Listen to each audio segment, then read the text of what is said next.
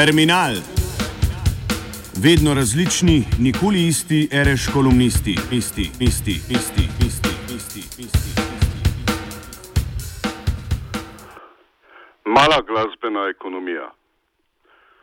Kakor ekonomija in njena znanost v narekovaju krojita občo, lokalno in globalno politiko, tako so na ožjem kulturnem področju oziroma v kulturni politiki klasična glasba oziroma njeni protagonisti, protagonistke, tisti, ki ji dajo ton.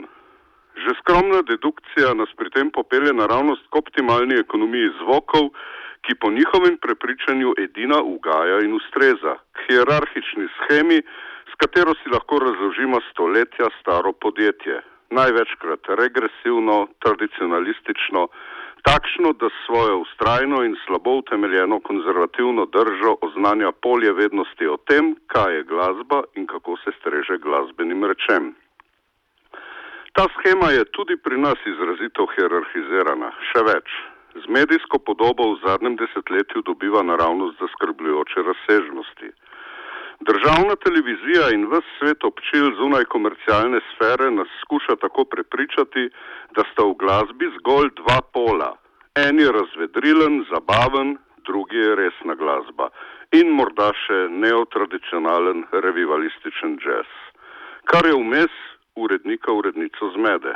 Med hudo resnimi rečmi in zabavo pa je, kakor dobro vemo, obširen muzični spektr, ki je ob enem koncertno, prirediteljsko, organizacijsko podprt izjemno dobro. Če abstrahiramo progresivnejša art in avant strujanja v rock muziki, imamo pri nas na voljo in posluh dano čisto ves spektr muzike.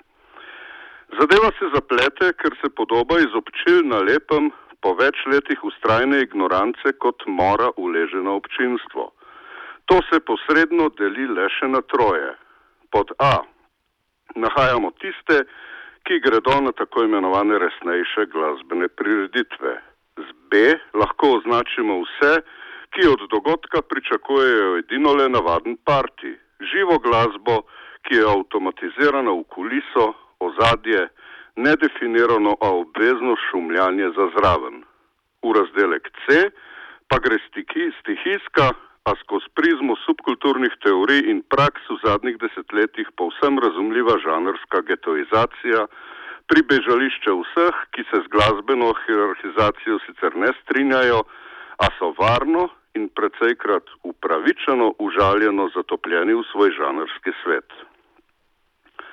Državni televiziji in tiskanim občilom, ki so še pred nedavnim gojila kulturno, umetniško in z njo tudi glasbeno kritiko, se je v ignorantski, povsem neustrezni in nepotrebni maniri posrečilo, da se praksa njihove uredniške politike ne ujame več s teorijo. Ali z drugimi besedami, manjko glasbene kritike za vsa širna polja med zabavo in resnobo se ne ujame več s kritiko kulturne politike, kakršno goji ta ali oni mediji. Uredništvo se na lepem več ne zaveda, da je njegova uredniška politika že del same kulturne politike. Sposobno jo je sicer kritizirati v komentarjih, a pri tem mirne duše spregleda, da manj objavljene kritike pomeni tudi manj točk pri dodeljevanju subvencij. Ta zdrs kratko malo dokazuje, da imajo pri občilih kapitalski lastniki precej več besede, kakor samo uredništvo oziroma snovalke, snovalci vsebine. Pred tedni je Blaž Lukan v izvrstnem pogovoru za delo poudaril, kakšen je pomen, ki ga ima povezava med kritiko in teatrom. Teater mora imeti svojo kritiko. Ta je precej ključna tudi v glasbi, saj promotorju dobro zastavljena in premišljena kritika pomeni zelo veliko. Širjave med resnobo in žurom imajo vsaj to srečo, da jih dovolj redno zapazi pričujoča radijska postaja. Pa je s teatrom pri nas seveda še dobro. Podoba muzik je že zgodovinsko drugačna, medijsko pa je danes postavljena povsem iz fokusa. Če ti gre za resno zabavo oziroma si pristaš pristašenja silnega, morda tudi čutnega užitka v muzikah, potem tvoj lik ne ustreza normi, kakor jo je postavila zveličavna klasična kamarilja, scena ali kakor ji že lahko rečemo. Ta se je zdaj precej zapletla v primeru Lajovic oziroma v filharmonični stavki. moramo jo omeniti tudi tukaj, ker gre v tej klasični intrigi naravnost za tisti pol, ki ima na državni televiziji recimo svoj protipol in obenem največjega zaveznika ravno v čistem razvedrilu. Obema poloma je skupno to, da postavljata podobo muzike zunaj fokusa, pa je vseeno, ali gre za neskončno nabijanje z obrkrajnerskimi kmetavzarijami ali pa za cenzuriranje džeza oziroma nove muzike, za siromašenje in postavljanje lažne slike džeza oziroma nove muzike v državi, ki ima dostojno število novo džezovskih novomuzičnih koncertov in ki ima na vse zadnje k sreči tudi predvsej posameznic in posameznikov, ki razumejo, kaj so kreativne godbe in kako misliti muziko. Tukaj lepo nastopi primer Lajovic. Ko njegov spor s slovensko filharmonijo ponudijo današnje občila, ni razvidno, da gre dejansko za glasbenega avtoritarca. Pustimo pri strani, da je mračnjak in da kot glasbeni mislec izrazito ima katolicistične vzgibe. To, da je glasbeni avtoritarec, nima nikakršne zveze z dirigentsko avtoriteto. Ali pač? Uroš Lajevic je namreč tudi strasten polemik, kar zadeva glasbeno politiko na TV Slovenija in tam zmerom zavaja. Trdi namreč, da je v primeri z resno glasbo na televiziji Slovenija veliko preveč alternative. Alternativne glasbe med brati in sestrami povedano je predvsej malo celo v eni sami oddaji po imenu Aritmija. In pri celi zadevi je bistveno zavajanje kako zapa, kakor zapažamo po najrazličnejših koncertih, očitno ni daleč čas, ko bo občinstvo zdolgočaseno, ker bodi si ne bo dobilo zabave po merilih državne televizije ali pa bo zahtevalo karto nazaj, ker se tako resen dogodek prireja v tako zanikrnem prostoru. Bistven premik pa bi lahko v novem letu postoril kak bend, dovolj unikaten in političen bend. Če se bo namreč apolitična podoba muzik, kakršno prodaja državna televizija, naselila tudi na oder, medtem ko je spodaj že nevarno zunaj glasbenega fokusa, potem se bo nenehno hlepenje po novem Lajbahu in želja po produkcijski sili pretvorila v nekritično množico. Koncert pa bo kot forma pretenciozno dejanje.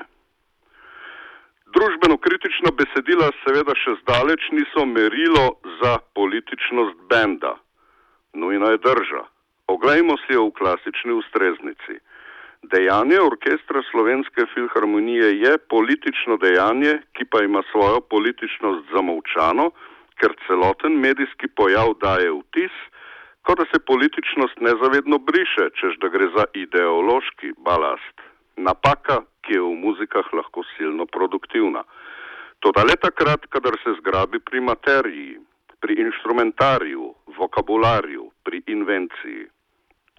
Slednje pa je krepka svetlobna leta daleč od uredniške politike, ki očitno nima niti najmanjšega pojma o glasbeni ekonomiji. Pri tem se ne zaveda, kakšno škodo dela tudi koncertnemu ozračju. Zadnje čase se namreč vse prevečkrat dogodi, da prebivalstvo koncerta sploh ne spremlja več pozorno. Vaš kolumnist nikakor noče, da pusti vtis starikavega polemika, to da nikakor ne more razumeti, zakaj ljudje na koncertu žlobudrajo. V času, ko si nimajo več kaj povedati, ko zapašamo strahoten manjko v komunikaciji, to zmerom raje počnejo na koncertih. Zdi se, da je sočasna glasba tam na odru, za nje kaj prikladno pokrivalo za vse traparije, ki si jih imajo med koncertom povedati. To nas z ene strani spet spomni na Johna Zorna, kako je pred par meseci med maratonsko izvedbo Bagatel v Sarajevu z odra odločno odsvetoval fotografiranje, češ imejmo ta dogodek izključno zase, z druge strani pa nas lahko opogumi vsaj žanrska publika. Nepozabno je bilo nekoč, ko so v klubu Gromka v čisti tišini stale hardkorovske desetine, član benda pa je v pauzi med komadoma mirno in z vsemi dobrimi nameni porekel: Is it a library or what? Zdravo.